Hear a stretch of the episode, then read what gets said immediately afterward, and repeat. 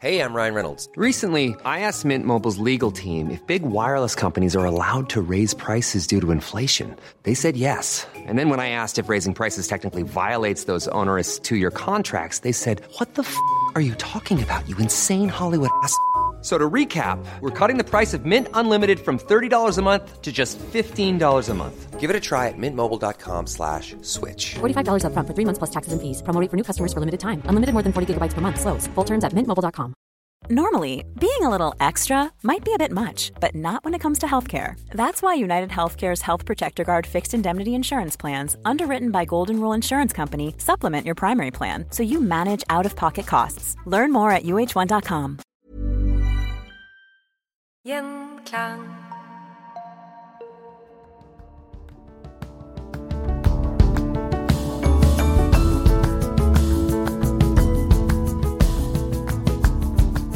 Velkommen til Historier som endret eh, Norge. I dag så har vi igjen fått besøk av eh, Espen Smith. Velkommen. Takk skal du ha, Christian. Du er ekspert Jeg liker å si at du er ekspert på det gode liv. Eh, Alt som er, er godt, er du ekspert på. Men det er, du, du har en forskjellighet for norsk mat og drikke. Det kan vi i hvert fall si. Det er helt riktig. Og i dag skal vi snakke om akevitt, og den norske akevitten. Du har skrevet boka 'Akevitt året rundt', og er en av landets fremste. Og når folk skal teste nye akevitter, eller skal bli, noen ønsker å bedømme de eksisterende akevittene, så er det ofte deg de ringer til. Ja, det er eh, artig å være med på det. Det, er, eh, det har jo gått fra å være ja, antall akevitter du kan telle på to hender, til eh, ja, Sist gang vi talte opp, så var det i hvert fall en 450 akevitter tilgjengelig, og vi har, og vi har passert uh, 30 destillerier i Norge. Ja. I en historisk kontekst så må vi jo begynne med, med opphavet, men uh, kanskje vi skal få klargjort en gang for alle hva er akevitt? Ja, eh, det kommer jo an på hvilken kontekst og hvem som spør og hvor du er. Ja. Men eh, akevitt, altså direkte oversatt, er jo livets vann, da, aqua vite, som det kommer fra. Og eh, opprinnelsen til livets vann går jo helt tilbake til alkymistenes tid. De alkymistene fra ja, den gang Kleopatra sies jo å ha vært en eh, alkymist. Så var det to mål man hadde. Det var jo selvfølgelig å kunne lage gull, fremstille gull. Og det andre var å skape evig liv, altså skape et livets vann. Det, der forsket man mye. Og eh, etter hvert så, det, så kan vi jo lese ut av historien at dette har jo da blitt til eh, en medisin, og i dag kanskje en mer en selskapsdrikk i forbindelse med kraftig mat. Og hvis du spør en nordmann hva er akevitt, så vil han jo si at det er vårt brennevin. Det er det norske brennevinet. Ja, det er, eh, franskmennene har eh, konjakk, og skottene har whisky, så har vi akevitten. Ja, franskmennene kaller det jo eau de vie, ikke sant, livets vann. Ja. Eh, Men de har jo konjakk etter distriktet, da. Ja. Og så har du jo begrepet brandy, som er en skal vi kalle det en engelsk betegnelse på fellesnevneren brent vin, etter brantwein, som kommer ifra nederlenderne. Så, men fellesnevneren er jo som sagt eh, et destillat av etanol, Ja. som eh, hvis vi, altså hvis vi går tilbake uh, til den tiden med overtroen, så, så starter det faktisk før uh, altså år null, da, som vi kaller det i vår tidsregning. Og eh, det er en rekke Ja, det var vel eh, Aristo, Ar- Aristokrates som tror jeg kastet noe vin på et eh, åpen flamme, og så at det tok fyr, og at det, da at det endret seg, denne dampen. Selve destilleringsmetodene, den eh, det blir jo ja, På 1200-tallet så kjenner vi til det kanskje det første destilleringsapparatet. Eh, og eh, vi vet at dette har bl.a. blant annet foregått Tilvirkning av dette har foregått i Italia. Men eh, for vår historie, for den norske akevittens historie, den kan vi si starter på 1500-tallet. Og eh, da har du jo eh, eh, for eksempel, ja faktisk på slutten av 1400-tallet, så, så har vi jo eh, referanser fra Sverige på dette med altså, Skal vi kalle det brennevinet, da. Eh, og nå snakker vi om et, eh, et kornbasert, altså stivelsen i kornet som er gjort om til sukker, og som da eh, blir til slutt destillert, en flytende sukkerblanding. Og der har vi funnet bevis på at den første bruken, første omsetningen av brennevin, det var faktisk til fremstilling av krutt. Krutt, ja. Ja, så Det var en kruttmester som uh, Berens i Sverige, i Stockholm, som uh, vi faktisk har notert den første bruken. Så da var det jo ikke uh, for å drikke, men det var jo selvfølgelig mange som drakk ganske mye av det likevel. Så i, i 1494, bare noen få et år etter at vi vet at dette var en, en viktig ingrediens til kruttfremstilling, så ble det faktisk forbud i Sverige mot å da drikke ikke uh, dette brennevinet. Det skulle kun brukes til uh, kruttframstilling. For da var det allerede rukket å blitt et uh, såpass problem, da? Ja, det var nok det. Man skjønte jo at uh, altså skuldrene senket seg jo. Etter et par super så var jo skuldrene der de hørte hjemme. Så, men så har vi også fra 1500-tallet tidlig, da, så har vi jo Anna av Danmark. Ja. Uh, hun var jo fæl til å eksperimentere på dette. Hun var veldig opptatt av at det skulle være styrkende. Mm. I tillegg til å være da kanskje helsebringende og kanskje gi deg evig liv. Så hun kalte da aqua livets vann. Det var basert da på, eh, på alkohol og urter. Men hun hadde jo da blant annet særlig notert ned altså ingredienser som ulvefett og ormeblod og, og, man tok blyet fra kirkevinduer. Og ikke minst så ble eh, dette her toppet med årgangsvann, som Anna av Danmark da hadde samlet som dugg gjennom Valborgsnatten. Oi. Og det er natt til 1. mai, ikke sant. Ja. Så da snakker vi virkelig styrkedrikk, altså. Og ikke minst en god dose overtro, Christian. Ja, altså det må vi jo ha med her, men det er jo eh akevitt med ulvefett. Ja, det må jo ha vært spennende. Eh, og kanskje styrken òg. Smørte systemet, det, det er jeg ganske sikker på. Litt usikker på dette her eh, blyet, men eh, ja. Nei, men, men, den første som vi elsker, og første milepælen i den norske akevittens historie, eh, som vi elsker å vise til, det er jo eh, Eske Bille. Som eh, altså en dansk høvedsmann som sitter ved Bergens hus eh, i Bergen, da, og, og han skriver da til den norske erkebiskopen. Uh, hvor han da nevner uh, aqua vite, livets vann. og det, Da omtaler han denne drikken som en vidunderdrikk som skal kurere all sykdom uh, et menneske kan ha innvortes. Da. Ja. Så, så da, det er jo ikke dårlig. Og I moderne tid så har vi jo en, en hedersmann, kan vi kalle han i dag, men en tidligere eh, sjefsdestillatør ved gamle Vinmonopolet, som det het i sin tid, som nå heter Arcus, og igjen Anora, faktisk, i dag.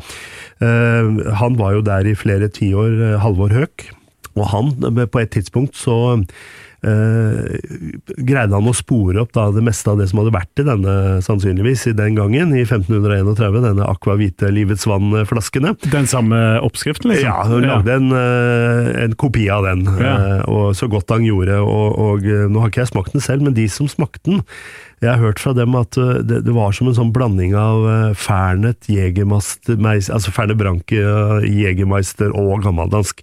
Ja. Så da snakker vi liksom Det var nok ikke noe som mangla oppi der. Det var da rimelig ganske heftig. Og, og, det var jo fordi at man på et tidspunkt gjennom historien i, i, så forsto man jo at altså man brukte spriten, dette brennevinet, til å trekke oljer og essenser ut av røtter og urter urter og sånn, for vi visste jo allerede ganske tidlig at urter og røtter og sånn har en rekke gode egenskaper, og bær og frukter og, og sånt noe. Vi har på en måte også øh, tenkt tanken at dette kan konservere sant, de gode egenskapene.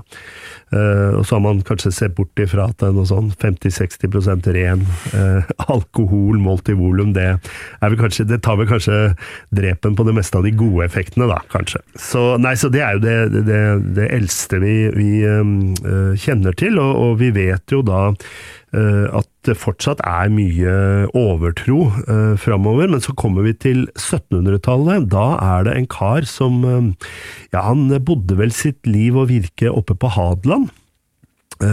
Kristoffer uh, og han var vel annet justisråd og en mann de fleste hørte, til, hørte på. Ja. Uh, han var uh, i utgangspunktet opptatt av mye av det som kom opp av bakken av, av frukter og bær og, og, og urter og røtter. Og eh, han var også veldig opptatt av at eh, det norske samfunnet ikke skulle bruke penger på å hente bl.a. brennevin i Frankrike, altså konjakk, den type. Men hvorfor ikke benytte våre egne ressurser og råvarer og lage vårt eget? Eh, og sammen med Eva Ekblad, som en grevinne den gangen, som også var veldig opptatt av potetens fortreffelighet, og ikke minst stivelsen i poteten. For du vet, poteten kom jo på den tiden, på 1700-tallet, og da var det jo i utgangspunktet en fandens frukt. Det var djevelens frukt. For, den, for det første så var ikke poteten omtalt i Bibelen. Med andre ord så var jo ikke dette noe bra, og den ikke på toppen av det hele, så vokste det under jorden, det vokste nede i jorden. Så dette var jo djevelens verk. Men eh, så var det jo faktisk prestene da, som eh, forsto, norske potetprester ble de kalt etter hvert. De forsto jo da eh, verdien av denne knollen som du satte ned i jorda, så kom det 20 opp igjen, ikke sant, for en billig penge. Og ikke minst så var det matauk. Men man fant også da ut av eh, bruken av eh, potet og potetens stivelse til å fremstille brennevin.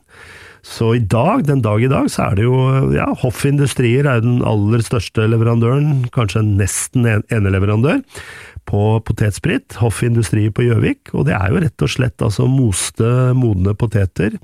eh, som man da eh, Denne potetsaften man får, eh, destillerer. Først gjæres, og så destilleres, og til den aller reneste mulige spriten. Og så blir jo dette blandet inn med, med krydderdestillater og vann, ikke sant. Det er egentlig så enkelt den norske akevitten er, da. Ja, for det er jo her eh, den norske skiller seg fra, fra de andre eh, Altså fra danskene og svenskene, som òg har gjort det. Men det er jo liksom, det er jo når poteten kommer inn at det, det er starten på den norske akevitten. Ja, og den, eh, den eh, ble jo eh, opprettholdt, den bruken av potet. Var, eh, selvfølgelig har det vært litt svingninger, altså under annen verdenskrig så brukte man jo cellulose, tresprit som vi kalte det. Eh, og, og, eh, men, men poteten har eh, satt seg, kan vi si. Eh, og eh, den har jo da skilt seg ifra dansk og svensk akevitt, som vi kjenner i dag, som eh, er basert på kornstivelsen. Altså det er et kornbrennevin. Og eh, eh, hvis vi går tilbake til sånn 70-tallet, 80-tallet, så var jo norsk akevitt i, i mitt hjem, som jeg vokste opp i, så var det eh, frossenvare. Det var en fire-fem flasker far hadde, og de lå i fryseren. Eh, og det var jo fordi at det, ble jo drukket eh, frå, altså ordentlig iskaldt. Lukta fusel og faenskap og var ikke noe særlig å, å skryte av. Eh, og, og jeg husker jo godt at denne akevitten ble jo tatt fram først til jul. Og så ble den pakka bort igjen sammen med julepynten, liksom. For det var liksom et juledrikk, og det er derfor den boken, eh, siste boken jeg skrev om akevitt, har den tittelen. Det er helt bevisst. at man, Jeg mener jo at i dag kan man drikke akevitt året rundt. Du har jo fortalt meg tidligere at eh, juleakevitten som kom på 80-tallet, og det Vinmonopolet gjorde da, er jo det som gjør at vi ennå forbinder kanskje litt akevitt med jul. Ja, og det er klart det kommer jo juleakevitter hvert år. Det er jo en sesong. Det er akkurat som på i ølets verden, så er jo øh, juleølet den aller største sesongvaren. Nå er jeg litt usikker på tallene kontra sommerølet, men øh, det er jo ikke tvil om at vi forbinder mørkt og fyldig og kraftig øh, øl med julen. Og ikke minst eh, akevitten med eh, nettopp den maten vi serverer. Og den har jo en misjon. Eh, det var jo igjen eh, den eminente herremannen eh, Halvor Høek som eh, allerede i 1988, når han da var så vidt og var fortsatt ganske fersk i jobben på AS Vinmonopolet den gangen, han eh, lanserte da en eh, egen juleakevitt, Gilde juleakevitt. Og um, det ble produsert en ganske stor mengde, som gjorde at det kom også en ganske nesten like stor mengde i retur. Etter julesalget og ute i januar, og det var, eh, kom tilbake fra Vinmonopolets butikker. For det var ikke så populært? Nei, det var vel kanskje ikke Markedet var ikke klar for det. Kanskje de ikke forsto det. Det var nok solgt ganske mye, jeg har ikke tallene, men det var i hvert fall produsert så mye at de hadde solide mengder igjen. Og hva gjør de det? Jo, neste år, i 1989, så lager de en ny juleakevitt. Og så blander de den med den gamle fra 1988. Og på den måten har de faktisk, den dag i dag, så kan du oppleve noen dråper fra 1988 i 2022, som er den siste, da. Ja. Så det er jo en, eh, den har jo da ført til at en rekke andre aktører, ikke minst Det Norske Brenneri eh, Norske Brenneri er jo mest kjent for arvesølvet.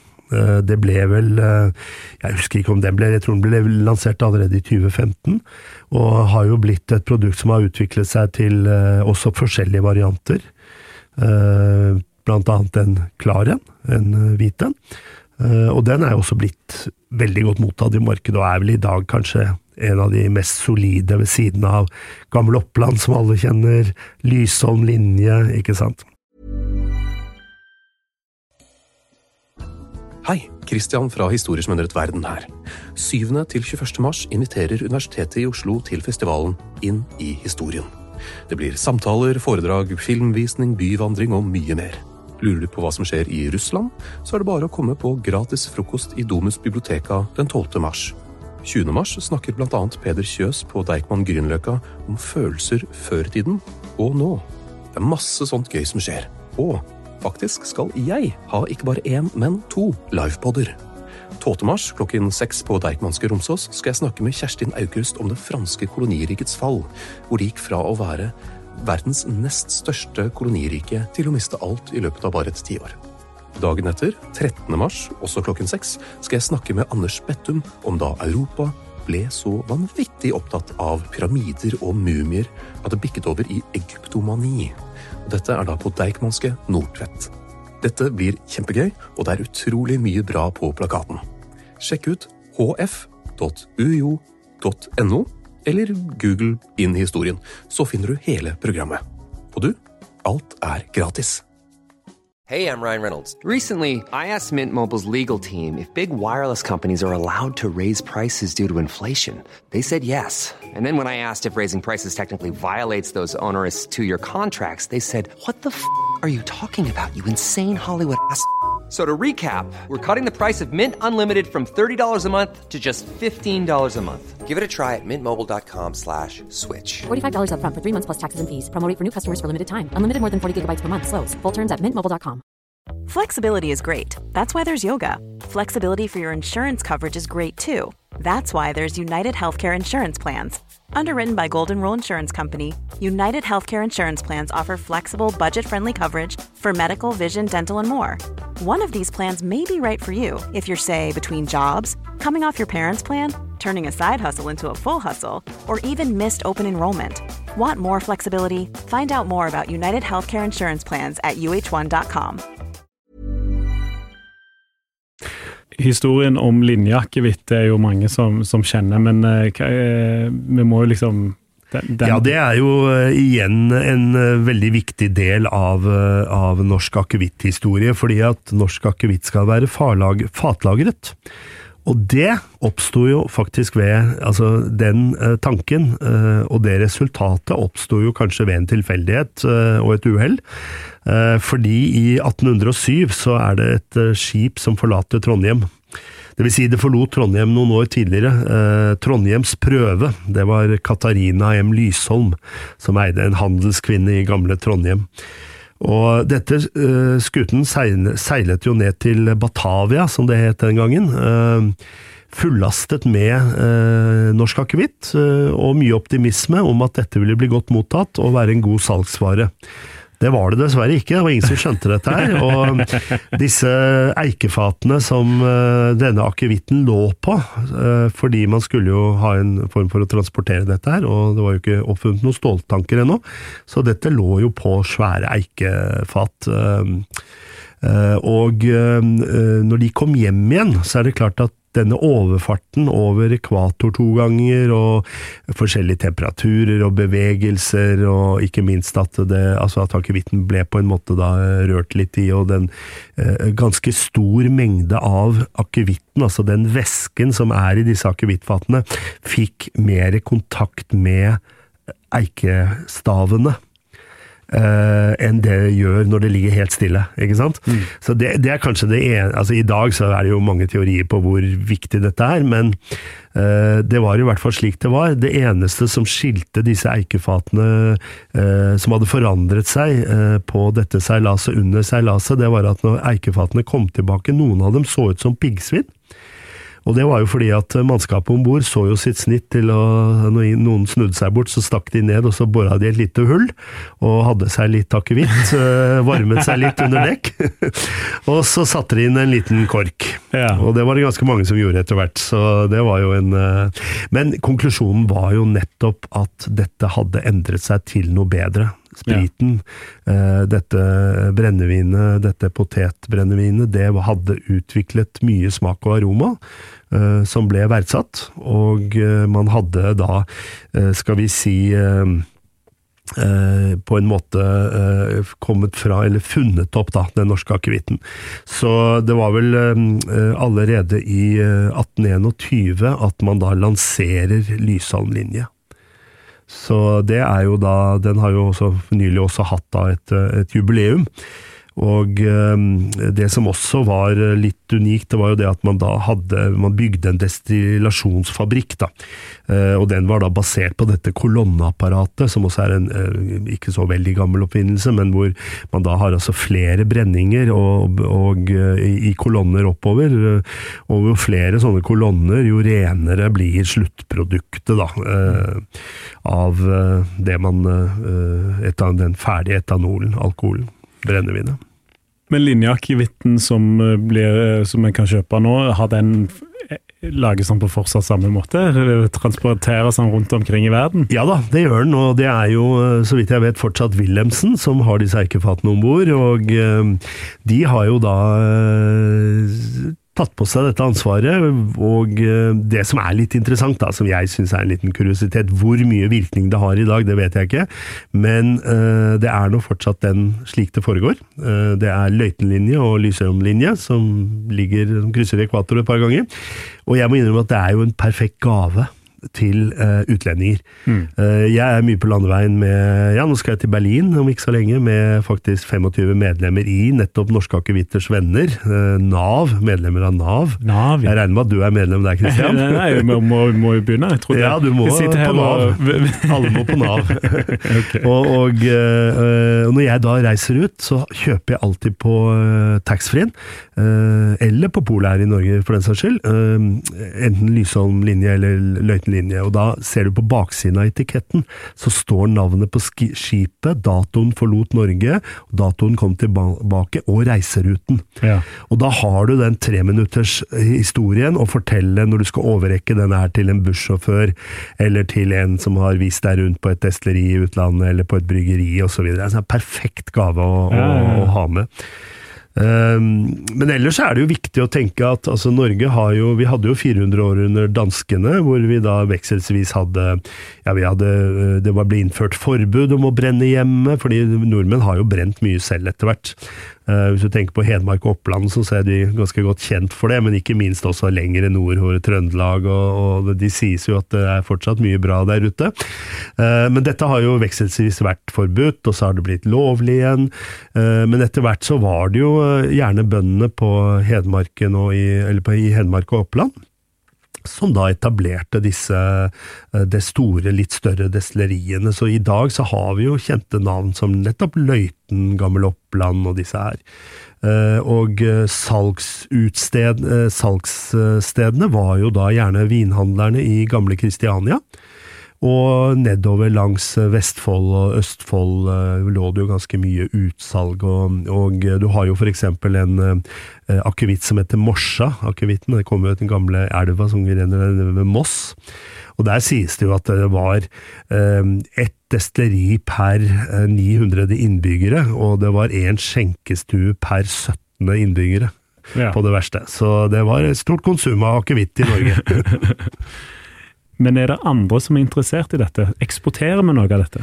Ja, vi, eh, vi, vi burde hatt mer eksport, syns jeg. Eh, Jeg husker jeg spurte en gang for noen år siden eh, gamle Arcus, ledelsen der, hvorfor de ikke hadde mer fokus på å eksportere. Det kan ha noe med, med kapasitet til å levere også, men jeg vet jo at Tyskland er vel den største kunden. De er veldig glad i akevitt, men det dreier seg om Lysholm eller linjeakevitt uh, hovedsakelig. Og dessverre så står den i kjøleskapet i alle tyske barer. Så, så fort jeg finner en sånn flaske, så ber jeg de ta den ut og sette den på hylla, for den skal drikkes romtemperert. Men tyskerne vil ha den avkjølt fortsatt. Ja. Eh, De har jo også et par egne varianter, klare akevittvarianter, men det er igjen da kornbrennevin. Eh, Så er det jo andre land som lager eh, forskjellige sprit på potet. Jeg har blant annet smakt en ak akevittvariant eh, som heter Awamori i Japan, på, fra øya Ishigaki nede i Sør-Kina-havet. Så eh, det er ikke tvil om at uh, flere og flere kanskje oppdager uh, verdien av potetstivelsen og denne billige knollen. Men eh, det burde også være et enormt potensial for eh, eksport. Eh, det er jeg ganske sikker på. Jeg vet at det er noen der ute, blant annet så har du noe som heter Meyer, Rebel-gruppen, som har fantastiske akevitter i porteføljen sin. De vet jeg leker med tanken på eksport. Og det er klart det er store markeder der ute. Får du kineserne til å drikke norsk akevitt, så blir det vel ikke noe igjen til oss. Nei, nei, nei, men, det, men nordmenn har jo vist seg å, å finne løsninger på den slags uh, tidligere. Men kan vi si at uh, akevitten har endra Norge? Ja, jeg vil si det, absolutt, fordi det har blitt uh, I moderne tid så har dette blitt vårt brennevin. Vi kan jo ikke si det samme om ølet, for vi har ikke noe spesielt øl som er norsk. Uh, altså da tenker jeg på stil, ikke sant? Eh, bortsett fra det vi nå i senere tid har benyttet oss mer og mer av, er jo den norske unike gjærstammen kveik. Eh, og det samme gjelder jo, altså hvis du reiser til Tyskland, så finner du jo ikke eh, metervis av hyller med norske og nordiske eh, ingredienser og råvarer, men derimot så finner du jo eh, hyllemetere med italiensk, meksikansk, indisk eh, her oppe i Norden, ikke sant?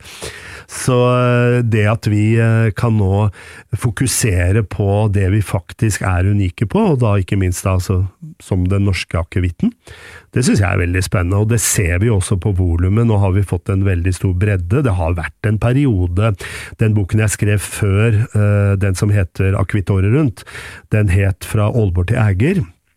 Og da var Den omtalte vel en 150 akevitter, neste bok omtalte en 300 akevitter, så det har jo steget. Og jeg må innrømme, i den øh, boken som heter Fra Aalborg til Æger, hvor jeg da testet meg gjennom en 150 akevitter, så var det ikke alle som var like bra. Eh, neste bok, da fant jeg nesten ingen som det var noe gærent med. Så kvaliteten er veldig høy, eh, og det er veldig spennende. Det er mye god, godt håndverk der ute. Og så er det jo sånn som det er med fotballag, da. Altså Bor du i Stavanger, så heier du vel på Viking, og eh, er du eh, født og oppvokst på Lillestrøm, så må du jo ha din egen akevitt. Du må jo ha Lillestrøm-akevitt, og du må ha Elverums-akevitt. Ja, for det er jo en greie. Det er jo mange som går litt etter stedsnavnene òg, når de går inn på polet og så ser de ja, denne er fra Elverum, da kjører vi på med den. Det er klart det, og det er jo gått litt inflasjon i dette. Det startet vel egentlig med denne juleakevitten i 1988 til Halvard Høek, og så kom det jo da så var det noen som lagde en skreiakevitt. Og så kom soddakevitten, og så kom ribbeakevitten og tok det helt av. Da var det jo en krig mellom eh, Norske Brenneri og Arcus liksom, om å gjøre å varemerkebeskytte da, de forskjellige akevittene. Og så, ikke minst, så begynte jo da sånne lokallag å henvende seg da, og si at eh, du, vi, eh, vi vil jo gjerne ha vår akevitt, ikke sant? Så da ble det gjerne indre ditt og ytre datt, ikke sant? Sånn uh, type akevitter, da. Som det kanskje har gått litt uh, inflasjon i, og noen av dem er jo borte igjen, men eh, mye av det er jo veldig godt. Og ikke sant? Det er lokal tilhørighet, vi heier på det. Vi skal ha vår egen akevitt, vi skal ha vår egen gin etter hvert også nå. Ja. Espen Smith, takk for at du kom innom historier som endret Norge, og lærte oss mer om den norske akevitten. Takk for at jeg fikk komme.